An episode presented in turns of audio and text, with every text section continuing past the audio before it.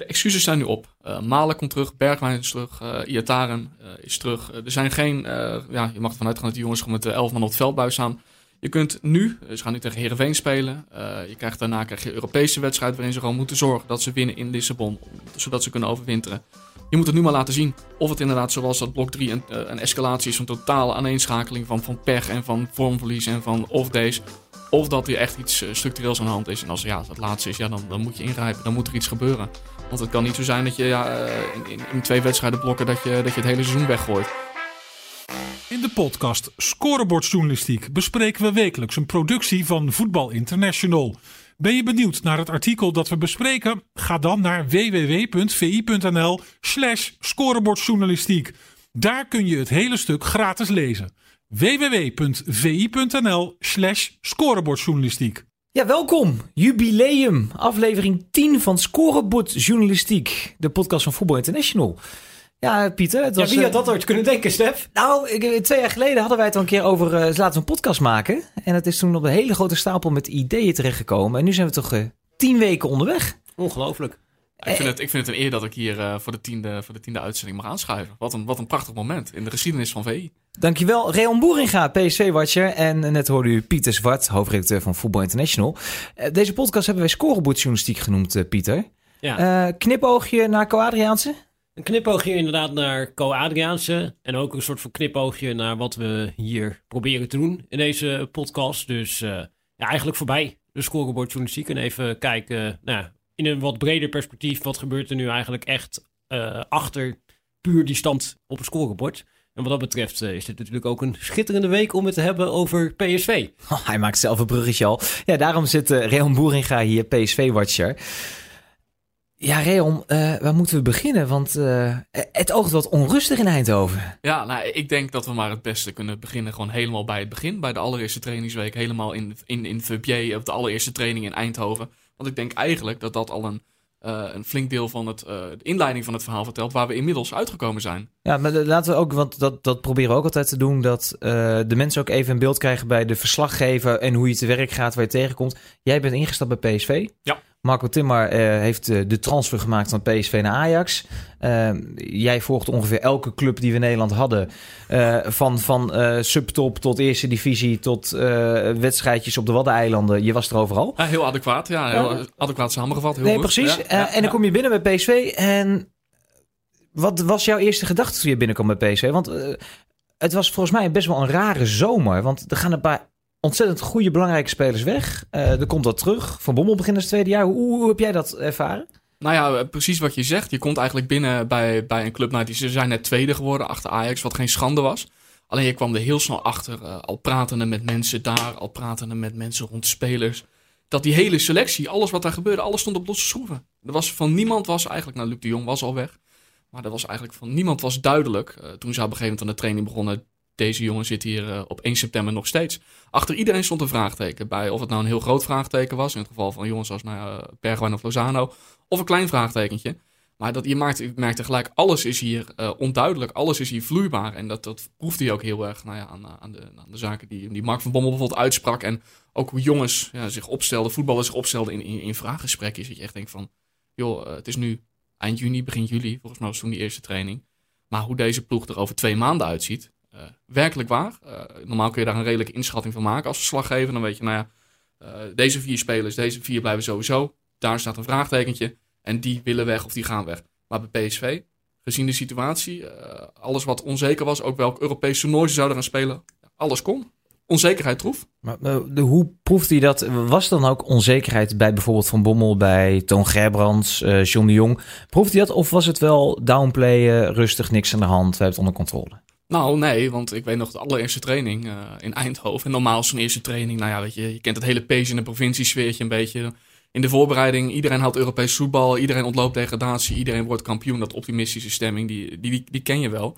Alleen, uh, dat was de eerste training en, uh, en na afloop stond Mark van Bommel met een paar verslaggevers te praten. En als ik me goed herinner, Luc de Jong die was toen al weg naar Sevilla. Angelino was toen nou, feitelijk ook al verkocht aan Manchester City. En Schwab die had ook nog niet verlengd. En, nou ja, en toen hing het hele verhaal van Bergwijn, waar Ajax al aan het trekken was. En Lozano, alles hing nog boven de markt. En op een gegeven moment uh, vroeg je ook aan, uh, vroeg je aan Van Bommel van ja, uh, heb jij enig idee waarop? Kun je ergens een, een grens stellen van, nou ja, oké, we zijn er dus nu al twee kwijt. Eigenlijk al drie, want Schwab is ook weg. Niet de minste, hè? Nee, uh, heb jij een idee waar dit ophoudt? En uh, nou, toen gaf hij op een gegeven moment ook van, nou ja, nee, dat weet ik op dit moment niet. Uh, en ja, je merkte wel dat daar, nou ja, dat daar wel zorg speelde al vroeger in het seizoen. Want eigenlijk, ja, overal stonden vraagtekens achter. Je had geen idee waar je, waar je in september mee zou overblijven. Ja, Pieter, jij ziet ontzettend veel voetbal. Ik bedoel, je hebt naast Suleiman denk ik dat jij de meeste voetbal ziet op deze voetbalredactie ongeveer. Wat dacht jij toen je PSV in de voorbereiding zag? En je zag wat, wat Real nu schetst? Ja, ik heb veel wedstrijden inderdaad van PSV gezien in de voorbereiding. En daar zag je inderdaad een team wat zoekende was. Na het uh, vertrek natuurlijk uh, Luc de Jong waar een vervanging voor moest komen. Maar ook uh, achterin waar het nodige moest veranderen. En je zag dat hij probeerde een soort van omslag te maken in de manier van voetballen. Ik bedoel, vorig jaar eigenlijk in die tweede seizoen zelf bleek al een beetje waar de uitdaging lag voor dit PSV om het positief te verwoorden. En dat zat vooral in ja, die combinatie van die vier verdedigers met die twee controleurs ervoor. Dat het op een gegeven moment wel erg voorspelbaar werd. En dat op een gegeven moment tegenstanders in de Eredivisie ook wisten van... Ja, je zet Jorrit Hendricks vast, je zet Pablo Rosario vast. En dan wordt het voor PSV moeilijker. En toen hadden ze altijd nog de ontsnappingsroute eigenlijk... Uh, de simpele route, Angelino die gooit hem voor de pot en dan uh, komt hij bij uh, Luc de Jong terecht. En dat was een plan B wat altijd nog kon werken voor PSV. En dat, dat viel natuurlijk weg. En toen was de vraag, ja, hoe wil je dat gaan oplossen? En het was, nou ja, aanvankelijk denk ik het idee, en dat is natuurlijk ook hoe PSV uiteindelijk is gedraaid, om met vier spelers die veel meer door elkaar gaan bewegen, die voorste vier, om dan uiteindelijk ja, toch wat meer dynamiek in dat elftal te krijgen. Alleen je ziet welke namen daar toen nog stonden. Sam Lammers, die heeft bij de hele voorbereiding bijvoorbeeld op 10 gespeeld. Zwaar geblesseerd geraakt. Ja, die zijn we alweer helemaal vergeten. Dirk Lucassen, die begon uh, het seizoen nog als uh, rechter centrale verdediger. Nou, die is ondertussen ook weg. Uh, Hendricks, die stond er toen nog in. En dat was een soort van ding met Gutierrez. En die zou misschien ook weer verkocht worden, wat uiteindelijk niet doorging. En zo, ja, Lozano, die is ook nog begonnen aan het seizoen. Die speelde eigenlijk ontzettend slecht in veel van die belangrijke wedstrijden. Ja, die worden dan uiteindelijk ook nog verkocht. Maar ja, zo zijn er een heleboel ja, pionnetjes die dan toen op zijn plek leken te gaan vallen. Maar nu ja, ziet het er alweer totaal anders uit. Ja, nou ja, afgelopen zomer, uh, hoe het al begon uh, bij die eerste trainingen in, in Verbier. Uh, ik weet nog van Bommel, die probeerde een beetje aan zijn verdedigende organisatie te schaven. En als je dan kijkt wat voor namen daar op dat moment in stonden. Er stond op linksback stond Justin de Haas.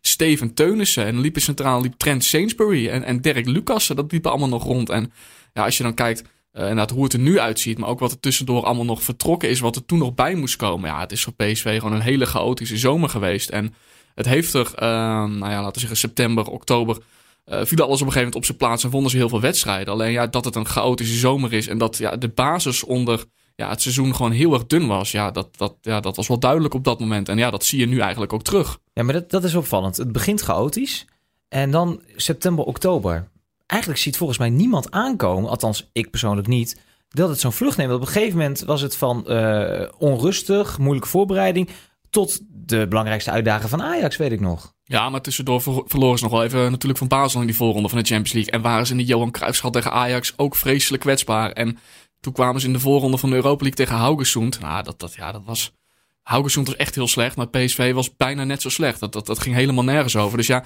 uiteindelijk hebben ze wel ja, een stijgende lijn te pakken gekregen met heel veel overwinningen. Alleen, het is niet dat het in één keer van 0 naar 100 ging en weer terug, zeg maar. Maar, maar even, Pieter, ook, eh, ik heb heel de indruk, je had het net ook over die, die vier voorin. Ja. Uh, heeft dat heel veel verbloemd?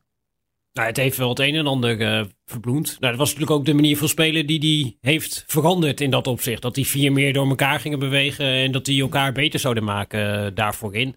Nou, was op een gegeven moment natuurlijk ook nog met Bergwijn op 10. Op een gegeven moment komt toch weer aan de zijkant Iataren die komt erbij. Ja, je hebt daar een Donjan Malen die zich fantastisch ontwikkelt uh, als spits. Die ook al in die eerste wedstrijden van het seizoen goed was. En op een gegeven moment ook nog belachelijk veel begint te scoren. Ja, en dan heb je op een gegeven moment wel daar spelers staan die belangrijk zijn voor het team en dat team ook beter laten functioneren. En verdedigend heeft Van Bommel eigenlijk altijd een stabiele organisatie uh, neergezet.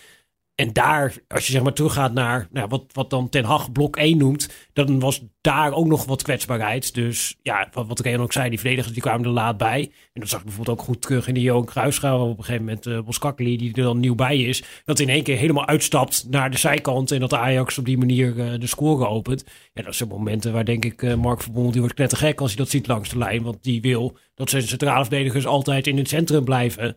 En dat soort dingen, dat, dat ging gewoon, basisdingen gingen verdedigend op een gegeven moment niet goed bij PSV. En dat werd op een gegeven moment beter. En als dan die voorste vier gaan draaien, ja, dan ga je wedstrijden winnen. En wat er daarna is gebeurd, Kijk, je kunt nu met terugwerkende kracht misschien een beetje verklaren wat daar gebeurd is in uh, dat derde blok. Alleen, nou ja, dat had er geen blok 2 zeker niet durven nee, voorspellen nee, dat dit ging gebeuren. Je kunt niet zeggen inderdaad dat we dit allemaal zagen, af, uh, zagen aankomen. Je kunt alleen zeggen vanuit de basis onder het seizoen, uh, door nou, dat die zomer zo chaotisch is geweest en zoveel wisselingen en zoveel onzekerheden heeft gekend dat je gewoon ja, zag, want dat is een heel dun fundament. En, en het vreemde is dat, dat zelfs Van Bommel dat eigenlijk natuurlijk niet zag aankomen. Tenminste, misschien ziet die het ook nu met terugwerkende kracht aankomen. Maar die heeft ook na, na het afronden van de transferzomer gezegd dat hij een betere selectie had dan vorig jaar.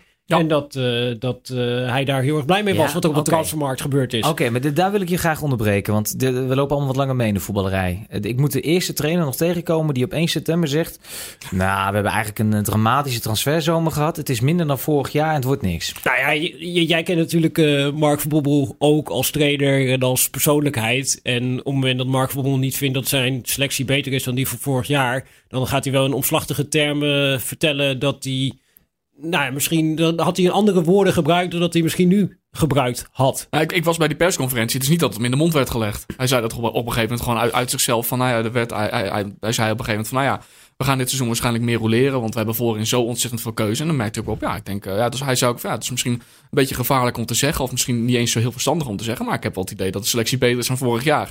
En ik snap inderdaad wel van, nou ja, uh, achteraf gezien, helemaal, is dat niet heel een hele handige uitspraak geweest. En je kunt ook zeggen van, ja, heeft hij daarmee uh, ja, iets proberen uh, ja, neer te zetten. Een façade voor de buitenwereld. Terwijl het eigenlijk niet zo was. Alleen ja, hij heeft het wel gezegd. Ja, daar, dat staat wel. Maar, maar jij komt daar vaak rond. Jij mm -hmm. loopt op de hetgang. Uh, de trainingen die openbaar zijn. Jij komt daar. En heb jij dit, ook dit gevoel gehad? De andere keren, de andere persconferenties. De andere keren dat je hem spreekt. Of mensen bij de club spreekt.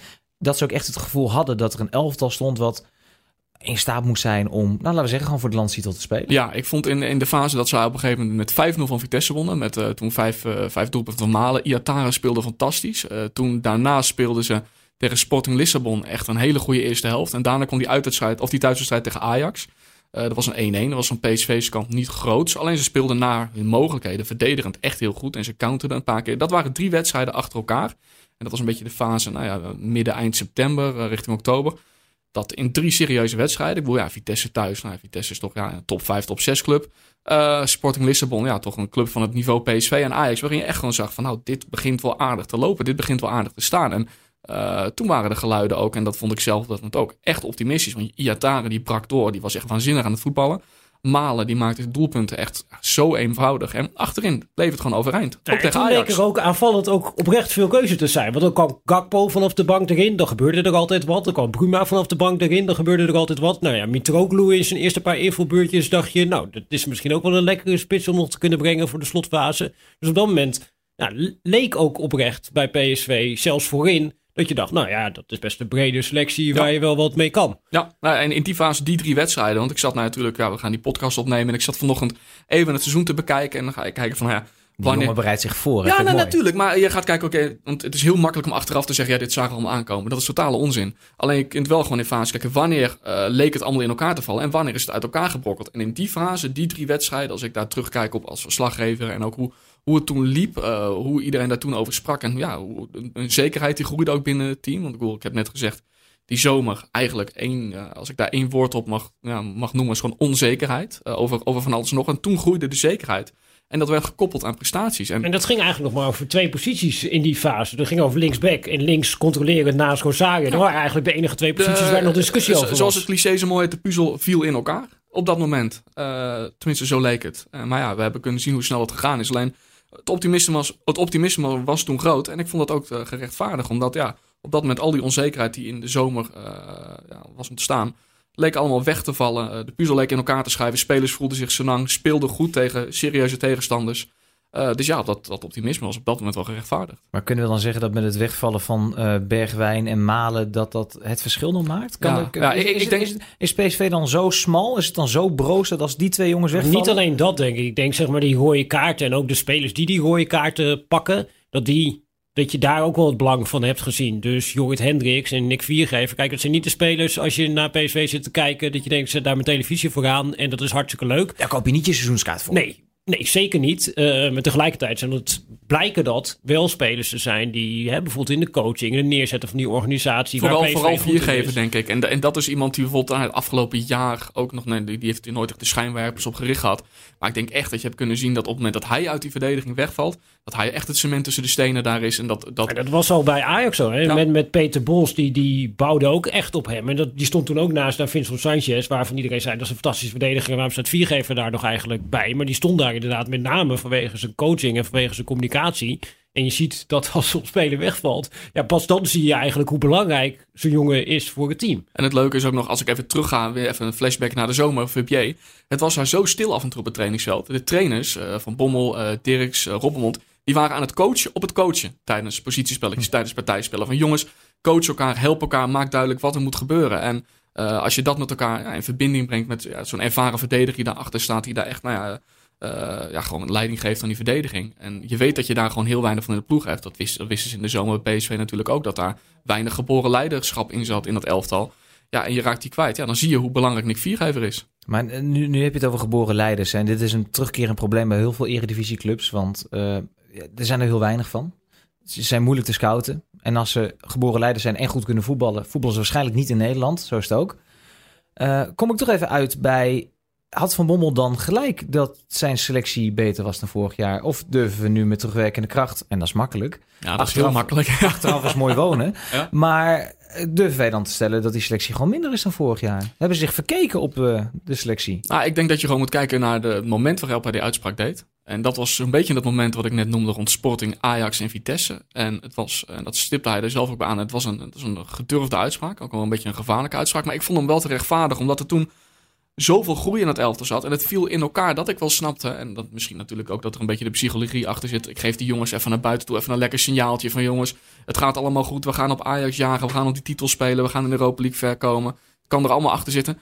Maar dat was geen totaal onlogische uitspraak. Echt totaal niet. Ja, en je kunt nu achteraf, achteraf een mooi wonen zeggen van ja, nee, die basis was veel te dun. Dat zagen we afgelopen zomer al aankomen. Je kunt nu zeggen, eh, veel te afhankelijk van Iataren en Malen en Bergwijn.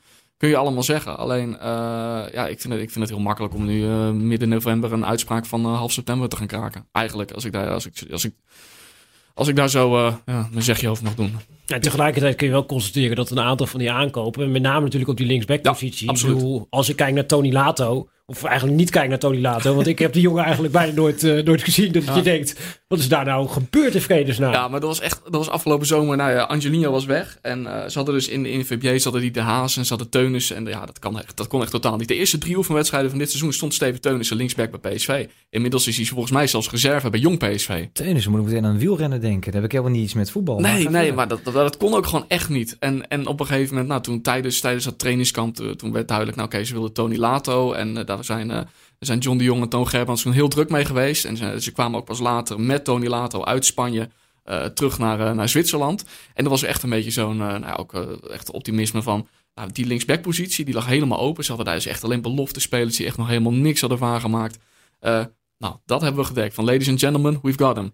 Nou ja, en ja, Tony Lato is inmiddels ja, vierde linksback of zo bij PSV. Komt zelfs niet meer in de belofte. Heeft hij in het begin van het seizoen nog een paar keer rondgehobbeld tegen Den Bosch. En volgens mij Fortuna... Nee, nee, Fortuna zit dat niet. Dat zeg je helemaal Den Bosch en MVV geloof ik. Ik weet het niet eens meer. Maar ook daar kwam totaal niet uit de verf. Dus dat is, ja, dat is echt totaal tegengevallen. Dit, dit gaat toch zo'n speler worden? Daar hebben we toch, we hebben toch gewoon een lijstje met dat je, dat je met een stel vrienden bij elkaar in de kroeg zit en zegt, weet je die speler van Ajax nog en weet je die van PSV en die van Feyenoord, van die, van die vergeten voetballers. Ja, je, je ziet hem nu bijna als een soort van de Spookvoetballer. Atuba, Alexander Ja. Een beetje die categorie komt hij Bruno in eh, Basto. terecht. Ja, Je kan, je kan de hele avond in de kroeg gaan zitten met een stel voetbalvrienden en dan kun je anderhalf uur lang kun je dit spelletje houden. En Ja. ik ben bang dat over twee jaar Tony Lato ook in het lijstje Ja, staat. ik ben daar wel bang voor. En ik vind het een heel, heel apart verhaal nog steeds. Want als je gewoon kijkt, hij heeft best een redelijk representatief aantal wedstrijden voor Valencia ingespeeld.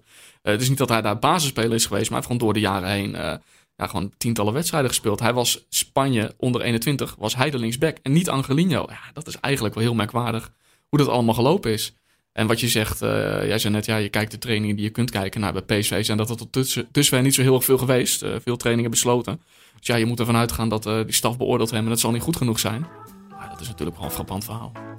Wil je meer verdieping bij het voetbal? Ga dan naar vi.nl slash podcast en neem een abonnement. www.vi.nl slash podcast. Maar Maar wil ik een andere speler eruit lichten? Ik ben jaren geleden, toen de zwart-wit televisie, heb ik PSV nog gevolgd. En uh, toen was het de technisch directeur Marcel Brands. Die zei, ja, we gaan die Broema halen. Want die Broema, nou jongens, als we die, als we die weten binnen te halen... dan gaan we echt een hele Europese top zijn we voor. En ja, dit, dat, dat is zo eentje, die voetbalt hier een jaar, misschien twee jaar... en dan gaat hij door naar de absolute top. Ja, ook het schoolvoorbeeld van hoe je eigenlijk een speler inderdaad wil scouten. Want deze jongens echt kapot gescout. Die, die, die, volgen ze al jaren bij PSV uh, in de scouting. En ze wilden hem iedere keer halen en dat lukte niet en dat lukte niet. En nu hebben ze hem inderdaad binnen kunnen halen. Omdat hij bij Leipzig een beetje buiten de boot valt. Uh, nu met terugwerkende kracht kun je ook wel zien waarom hij buiten de boot is gevallen. Want die zijn eigenlijk uh, met drie verdedigers gaan spelen. Dus zonder buitenspelers. Dus ja, daar, daar komt hij sowieso niet meer uh, aan de bak. En toen kon PSV hem voor een, nou ja, relatief oké prijs konden ze hem halen. Wel een van de duurste aankopen in, in de clubhistorie. Dus het is relatief misschien redelijk oké. Okay. En je moet er natuurlijk even wat inflatie van die transfermarkt bij rekenen. Maar het is gewoon een van de allerduurste aankopen ooit. Daar verwacht je gewoon van dat hij er staat. Ja, eigenlijk vanaf de eerste dag. En dat hij vanaf de eerste dag uh, het verschil maakt. Zoals uh, Duvelta, iets in Daily Blind. Dat is bijna clichématig geworden. Maar dat die dat wel gedaan hebben bij Ajax en Quincy Promes. Die eigenlijk voor een soortgelijk bedrag natuurlijk is gekomen. Die ja, heeft dat ook gedaan bij Ajax. En als je nou, hem ziet ja, het is heel merkwaardig. Ja, kijk, je ziet dat die jongen kan voetballen. Ik bedoel, dat, dat, is, uh, dat is geen twijfel over. Maar het rendement wat hij heeft, ja, dat is relatief laag. En het is ook niet dat hij... Hij werd natuurlijk op een gegeven moment in de spits gezet tegen die uh, Oostenrijkers. Toen zei Verbommel ook iets over inderdaad zijn defensieve ja, betrouwbaarheid uh, op die plek. En het is niet dat die jongen niet hard wil werken. Alleen het is meer dat hij niet altijd lijkt te weten wat hij moet doen. Want daarom is hij op een gegeven moment ook al heel veel zijn baansplaats kwijtgeraakt aan Doan. Omdat Doan gewoon zonder bal gewoon zijn werk deed. Discipline, en, en, en, discipline, en betrouwbaar was. En, en Bruma, ja, die raakte de bal kwijt en die bleef een beetje dromen af en toe ook. Ja, soms dromen, maar soms ook inderdaad dan, dat hij bijna achter de linksback staat. Dat je denkt, ja, je bent nu heel fanatiek aan de verdedigen, maar wel de verkeerde plek.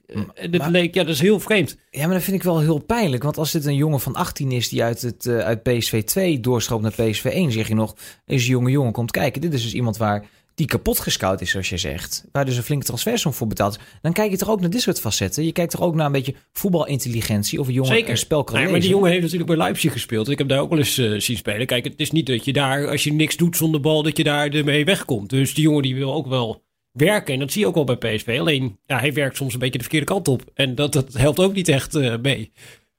Is, eh, wie is het kwalijk te nemen dat de selectie misschien dan nu wat smal is? Is dat gewoon de portemonnee van PSV? Is dat dan John de Jong? Ah, uh, ik, ik, denk dat wat je ook nog moet, moet aanstippen, dat uh, die zomer, waar ik, waar ik telkens op terugkom met die onzekerheid, er zijn er in die zomer ook een paar dingen verkeerd gegaan uh, die ze niet hadden zien aankomen. En dan heb, ik, dan heb ik het ten eerste over, nou, gewoon die uitschakeling in de Champions League. Oké, okay, kun je rekening mee houden. Maar vervolgens ze dachten, nou weet je, we gaan die Pereiro, gaan we 15 miljoen vervangen. Die kan naar Rusland. Ja, daar had Gaston zelf niet zo heel veel zin in. Volgens Jorrit Hendricks, ik kan me herinneren, ik stond na de Johan Cruijffschaal uh, tegen Ajax, stond ik met hem te praten over, over Bologna. Nou, die zat met zijn hoofd al in Italië. Was ook weer een, eh, een, zak met miljoenen geweest. En dat is uiteindelijk ook niet doorgegaan, doordat de Italianen in één keer niet meer, niet meer opbelden en niet meer thuis gaven. Uh, vervolgens Sam Lammers raakt geblesseerd, waardoor je weer, weer 2 miljoen moet uitgeven aan een, aan een Griek die daar ja, een beetje stormram kan fungeren. Nou ja, die linksbackpositie hebben we het uitgebreid over gehad. Ja, dat is totaal verkeerd gegaan, heel simpel. Uh, alleen, uh, er zijn in die zomer ook een aantal dingen. Ik denk op het moment dat Pereiro vertrekt, dat Hendricks vertrekt, kun je gewoon op plekken gaan investeren waar je gewoon versterking nodig had. En dat is niet gebeurd. Uh, en ja, om, om, om ja, de, de schuldvraag, heel simpel, uh, waar jij het over hebt. Ik denk dat die schuldvraag heel breed ligt. Ik denk ten eerste dat als jij, je weet dat Angelino weg kan gaan, dat dat gewoon, ja, er zat een clausule in dat contract. Ja, dan moet je gewoon gelijk klaar zijn om door te schakelen met een, een speler die er gelijk kan staan. Nou, dat is niet gelukt. Heel simpel. En ik heb uh, Tony later ook bij Jong PSV gezien. Nou, dat is gewoon geen eredivisie Maar even, even, onderbreek je even. Nou. Je bedoelen we ook gewoon mee te zeggen dat uh, Angelino een fantastisch jaar. Dan moet je eigenlijk in december, januari moet je al aanzien komen dat in die zomer Angelino misschien weggaat. Dus je hebt als scouting heb je maanden de tijd om ervoor te zorgen op het moment dat Angelino zijn handtekening zet in Engeland dat er iemand staat. Maar het gek is, ik denk ook dat dat gebeurd is. En ik denk ook dat zegt Tony Lato als onze man.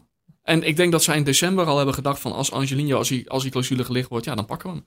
En uh, dat toont aan dat hij in de scouting en in de beoordeling van die speler iets verkeerd is gegaan. Want hij heeft bij, uh, bij Jong PSV heeft hij het ook gewoon niet laten zien. Oké, okay, dat was punt 1 van de, de schuldvraag. Dat is dus mm -hmm. dat uh, iemand als Angelino vertrekt, daar staat dan niemand voor klaar. Mm -hmm. is het botte pech dat bepaalde transfers niet vallen? Is dat ondernemersrisico? Nou, deels ondernemersrisico, maar deels is het ook wel een beetje raadselachtig wat er gebeurt. Ik bedoel, met Tony Lato is inderdaad... Uh, ik bedoel, die heeft jaren bij Valencia in het eerste gespeeld. En die jongen, die komt naar PSV, die, functioneert niet meer. Dat, dat is natuurlijk al raadselachtig. Het is ook niet dat Bruma bedoel, die was bij Galatasaray, was hij echt een ster. Hij heeft bij Leipzig een paar goede jaren gehad. In Portugal was dat een ster. En die jongen functioneert eh, op het moment dat hij naar PSV komt eigenlijk ook niet meer. En Erik Gutierrez hebben we hier nog niet genoemd. Maar dat is natuurlijk ook een redelijk bijzonder verhaal. Dat de jongen binnenkomt. Dat, dat je kan zien van, nou, dus iemand die over de bal heen kijkt. Die diepte zoekt. Die inzicht heeft. Die technisch nou ja, vaardiger is dan de spelers die op dat moment op die controleerde positie staan. Tegelijkertijd uh, was duidelijk dat die verdediger nog niet helemaal begreep wat er van hem verlangd werd. Nou ja, en dat duurde heel lang voordat de jongen erin kwam. Maar nu staat de jongen er af en toe in. En dan denk je, ik ah, zie niks meer terug ik, ik van de Gutierrez die, die eigenlijk die kant op is gaat. Ook als je bij Mexico ziet spelen, is een hele andere voetballer dan de jongen die je bij PSV ziet. Ja, en de, en de mensen die hem in Mexico hebben zien spelen bij Pachuca, die zeggen, ja, Gutierrez is niet meer herkenbaar. En dat lijkt alsof, zo, alsof, alsof hij echt in een, in een soort van tactisch keurslijf terecht is gekomen, waardoor hij zo is gaan twijfelen aan zijn kwaliteit en waar hij goed in is. En uh, daarom vind ik ook dat uh, ja, die, die hele schuldvraag gewoon heel breed ligt. Want aan de ene kant kun je zeggen, een aantal dure aankopen. En dan kun je ook uh, bijvoorbeeld Baumgartel nog bij noemen, die ook nu een terugval heeft. Ja, dat, die presteren gewoon niet. Aan de andere kant kun je ook zeggen, ja, je ziet nu ook wel dat een aantal dure aankopen, dat die om welke reden ook heel moeilijk in het elftal ingepast worden. En uh, je kunt niet zeggen, Baumgartel, ik heb bijvoorbeeld afgelopen zomer Huub Stevens erover gesproken, die hem heeft laten doorbreken bij Stuttgart. Die jongen heeft drie, vier jaar basisspelen Bundesliga gespeeld. Tony Lato, Valencia, Pruma, uh, Sporting, Galatasaray. Uh, Gutierrez bij Pachuca en grote meneer bij het Mexicaanse elftal. Het kan niet zo zijn dat al die grote spelers naar PSV komen en allemaal opeens niet goed genoeg blijken. Daar zit ook iets in. Ja, uh, waarom kunnen zij niet goed in het elftal worden gepast? Ja, Doan was ook een smaakmaker bij Groningen. Dat heb ik ook nog niet gezien bij PSV. Nee, nee dus kijk, aan de ene kant, uh, kijk, van, van Tony Lato, ja, die heb ik zelf ook zien spelen. Ja, dat, dat kan gewoon niet. Maar er zit natuurlijk ook al een vraag onder van, ja, waarom lukt het niet om bepaalde spelers die met bepaalde kwaliteiten binnenkomen, gewoon goed in het elftal te laten stromen? En dat ligt bij de trainer natuurlijk. Dus het ligt, het ligt dubbel. Het ligt en bij het aankoopbeleid, waar gewoon verkeerde beoordelingen zijn gemaakt. Tony Lato bijvoorbeeld. Maar ik denk ook van ja, als jij kijkt hoe spelers rendeerden voordat ze naar PSV kwamen. En uh, ja, hoe dat nu is. Ja, dan mag de trainer ook wel uh, een boetekleed aantrekken. Ja, maar Reon, wat ik me nou afvraag, hè? jij loopt daar rond. Jij mm. komt daar vaak. En op een gegeven moment is het Hosanna, is het allemaal is het leuk. En dan is het uh, Ajax aanvallen, meedoen de titel. Nu de laatste weken, ik bedoel, de situatie Jeroen Zoet hebben we niet eens benoemd. Nee. Uh, hoe is de sfeer op de hetgang op het moment? Ja, stond zo geinig natuurlijk. Ja, heel simpel. En uh, je raadt nu naar om het... Uh, in Erik ten Hag woorden ga je naar blok 4. Nou, Mark van Bommel wil het niet zo noemen, maar we gaan nu gewoon naar... Laatste wedstrijden, de serie voor de winterstop. En jij moet nu echt zorgen dat je, redt, dat je nog iets hebt om voor te spelen in 2020. Dat je nog het red in de Europa League, wat echt heel erg lastig wordt. Dat je, ja, GVVV Venendaal, uh, KNVB-beker dat je daar nog voor kunt spelen. En uh, zorgen dat je maar bij, bij blijft bij AZ. In die, in die strijd om plek 2 voorlopig. Ja, het, het, hele seizoen ligt in duigen. Daar komt het op neer. Ik zit wel te denken dat het misschien handig is om met je vaste basiself in die beker te gaan spelen. Maar dat... Ja, ja RKC. Ja, ja. Nee, oké, maar dat, ja, bedoel, dat die fout maakt iemand één keer natuurlijk. Maar uh, wat merk jij als verslaggever nu van het chagrijn? Kun jij je werk nog op dezelfde manier doen? Of merk je dat het meer besloten is? Uh, staan spelers jou uh, te woord? Even voor de luisteraar die niet de luxe heeft die wij hebben om lekker elke dag of nee, vrij vaak bij een club te komen. Ja, dat is een leuke vraag. Nou, eigenlijk bij PSV vanaf het begin van het seizoen zijn ze qua trainingen wel echt heel erg uh, afgeschermd geweest. Ze hebben nu onlangs aangegeven dat ze gaan kijken of ze dat iets minder uh, kunnen gaan doen. Ook omdat er vanuit de supporters gewoon behoorlijk de trest over was. Vond ik een opmerkelijk signaal. Uh, maar ik heb bijvoorbeeld uh, die wedstrijd uit tegen Utrecht gehad een tijdje geleden. Uh, die, met, die ze met 3-0 verloren. En toen was het echt van al die spelers, die waren er helemaal klaar mee. Liepen gewoon weg, liepen gewoon door. En dat vind ik wel heel goed, want vervolgens heeft PSV wel tegen die jongens gezegd van... Ja jongens, als jullie met 5-0 hier winnen, willen jullie allemaal je woordje doen. Maar als jullie met 5-0 verliezen, staan jullie er ook. En dat, vond ik, dat ja. vond ik echt dat vond ik klasse. Want bijvoorbeeld de week daarna tegen Sparta, toen, ja, dat was ook echt een drama. Maar toen liepen ze allemaal één voor één, net alsof het gewoon tegen ze gezegd was... Ja jongens, laat zeggen Utrecht, dat kan gewoon niet. Uh, liepen ze allemaal één voor één. Ook spelers die niet eens aangevraagd waren, zo de mixzone in om gewoon verantwoording af te leggen over wat daar gebeurd was. Uh, dus dat vond ik wel klasse. Uh, want het was wel duidelijk dat ja, spelers Utrecht die hadden er gewoon helemaal geen zin in. Nee, tuurlijk, tuurlijk. We lopen gewoon door, drie, weet je, verloren, echt zwarte avond. Alleen, vervolgens uh, naar Sparta. Ja, leg het maar uit, jongens. Uh, jullie hebben het daar ook gedaan. Nee, maar dit, dit gebeurt bij elke club als het minder gaat. En soms hebben we ook nog wel, kunnen we het ook nog wel begrijpen. Alleen, het is niet zozeer dat je er voor ons staat. Maar het is meer dat wij natuurlijk schrijven, uh, ja. praten, filmen voor de fans. Ja, inderdaad. Ja. En als zij met jou praten of met mij praten en ik schrijf dat op... vertellen ze in feite het verhaal van de wedstrijd, hun verhaal van de wedstrijd... inderdaad aan de fans. Klopt. Hoe zie jij dat, Pieter? Maar dat is denk ik inderdaad precies wat er, wat er gebeurt en wat dan uiteindelijk de rol is eh, van de media daarin. En die fans willen ook begrijpen van ja, waarom gebeurt dit? En het is wel fijn als dan ook uh, de hoofdrolspelers daar hun visie op geven. Want ja, dat zijn uiteindelijk de spelers die in het veld staan en die het uiteindelijk doen. Begin ik met jou, Pieter. Valt er nog wat te redden voor PSV dit seizoen? Of, of is nou, het eigenlijk Ik denk dat de komende weken dat het uh, heel erg cruciaal gaat worden. Kijk, als je natuurlijk zo'n fase niet wint, dat geldt bij iedere club zo, dan ga je een bepaalde dynamiek krijgen die op een gegeven moment ook, uh, denk ik, ook resulteren. Dan ga je toch ook een beetje ervoor zorgen, al misschien dat het niet jouw schuld lijkt of de, de, schuld van uh, je collega. En ja, als dat te lang doorgaat, dan kan het op een gegeven moment uh, gaan escaleren. En dan moet er op een gegeven moment, ja, moeten ook de fans die willen natuurlijk op een gegeven moment, er moet iets gebeuren en er moet er iemand uit. En wie moet er dan uit? Ja, en, en, daar wil je niet in terechtkomen. Dus ik denk, ja, PSV die heeft straks een aantal spelers weer terug. En dan moet er eigenlijk meteen gepresteerd worden. En als er meteen gepresteerd wordt, ja, dan is de rust ook weer terug. En dan kunnen ze weer gaan bouwen. En dan kunnen we misschien uh, dat blok 4 uh, hetzelfde is als blok 2. Dat PSV weer gewoon stabiel is. En dat dit een mindere periode is geweest. Waar je later op terugkijkt van. Goh, wat vreemd. Maar dat was een ja, bizarre aaneenschakeling van incidenten. Waardoor uiteindelijk iets gebeurd is. Dan kun je misschien in de winterstop nog iets repareren. Maar als ze de komende weken ja, niet gaan winnen. Ja, dan gaan er allerlei krachten rond, loskomen rond zo'n club. Zelfs bij een rustige club als PSV. Ja, dan wordt het, dan wordt het een heel vervelend seizoen voor iedereen in Eindhoven. Vrees jij escalatie, Reon? Nou, dat moet echt de komende weken gaan uitwijzen. Want de excuses zijn nu op. Uh, Malen komt terug, Bergwijn is terug, uh, Iataren uh, is terug. er zijn geen, ja, je mag ervan uitgaan dat die jongens gewoon met de elf man op het veldbuis staan. Je kunt nu, ze gaan nu tegen Heerenveen spelen. je krijgt daarna krijg je Europese wedstrijd waarin ze gewoon moeten zorgen dat ze winnen in Lissabon. Zodat ze kunnen overwinteren. Je moet het nu maar laten zien of het inderdaad zoals dat blok 3 een, een escalatie is. Een totale aaneenschakeling van, van pech en van vormverlies en van off-days. Of dat er echt iets structureels aan de hand is. En als ja, dat laatste is, ja, dan, dan moet je ingrijpen. Dan moet er iets gebeuren. Want het kan niet zo zijn dat je ja, in, in, in twee wedstrijden blokken dat je, dat je het hele seizoen weggooit. Maar het, de excuses zijn nu op. Ze moeten nu gaan presteren. En als je gewoon nu, uh, ja, die laatste wedstrijden van 2019, het seizoen nog een beetje uh, ja, kleur kan geven richting na de winterstop, ja, dan kun je verder. Maar het moet wel echt gebeuren, want uh, ja, nu moet PSV opstaan. Tot slot, vraag die ik al heel lang wil stellen en nu kunnen we het hier doen. Komt de aanvoerder nog een keer in actie bij PSV? Ik vraag het me af. Omdat, Ibrahim uh, Aflaai hebben we het ja, over, hè? Nou, hij, heeft, hij heeft vorige week uh, tegen Sint-Truiden heeft weer een oefenwedstrijd gespeeld. Hij heeft inmiddels een stuk of vier, vijf, zes uh, oefenwedstrijden gespeeld. En er blijkt vanuit die oefenwedstrijden geen stap gezet te worden tot dusver naar het eerste elftal. Want elke keer denk je, nou, 90 minuten gespeeld, of 60 minuten gespeeld, 45 minuten gespeeld. Er zit een opbouw in en er is een plan. Alleen elke keer als hij dan speelt en dan vraag, vraag je aan Van Bommel van ja, kan die bij het eerste helft in actie komen? Is het antwoord tot nu toe altijd nee geweest. Dus ja, zoals ik er nu naar kijk, vraag ik me echt af of we Affelijn nog op het veld gaan zien. Het staat ook wel een beetje symbool dan voor de onzekerheid en onrust. Je aanvoerder die eigenlijk geblesseerd is. Het zal wel de aanvoerder in de kleedkamer zijn. Ik ken de teksten, maar ja. Ja, absoluut. Absoluut eens. Ja, het is eigenlijk uh, symbolisch wat dat betreft. Ja, de, de afwezige leider. Ja, het is eigenlijk precies ja. wat ze missen bij PSV, hè? Ja, ja nou, precies. Mooi samengevat, Pieter. Dank je wel daarvoor. Uh, ja, bent u benieuwd naar meer over PSV? Uiteraard lees dan het magazine van Voetbal International of uh, ga naar vi.nl of VI Pro. En op www.vi.nl slash lees je het laatste werk van Reon Boeringa over de actuele uh, situatie bij PSV gratis. Dat horen wij natuurlijk graag.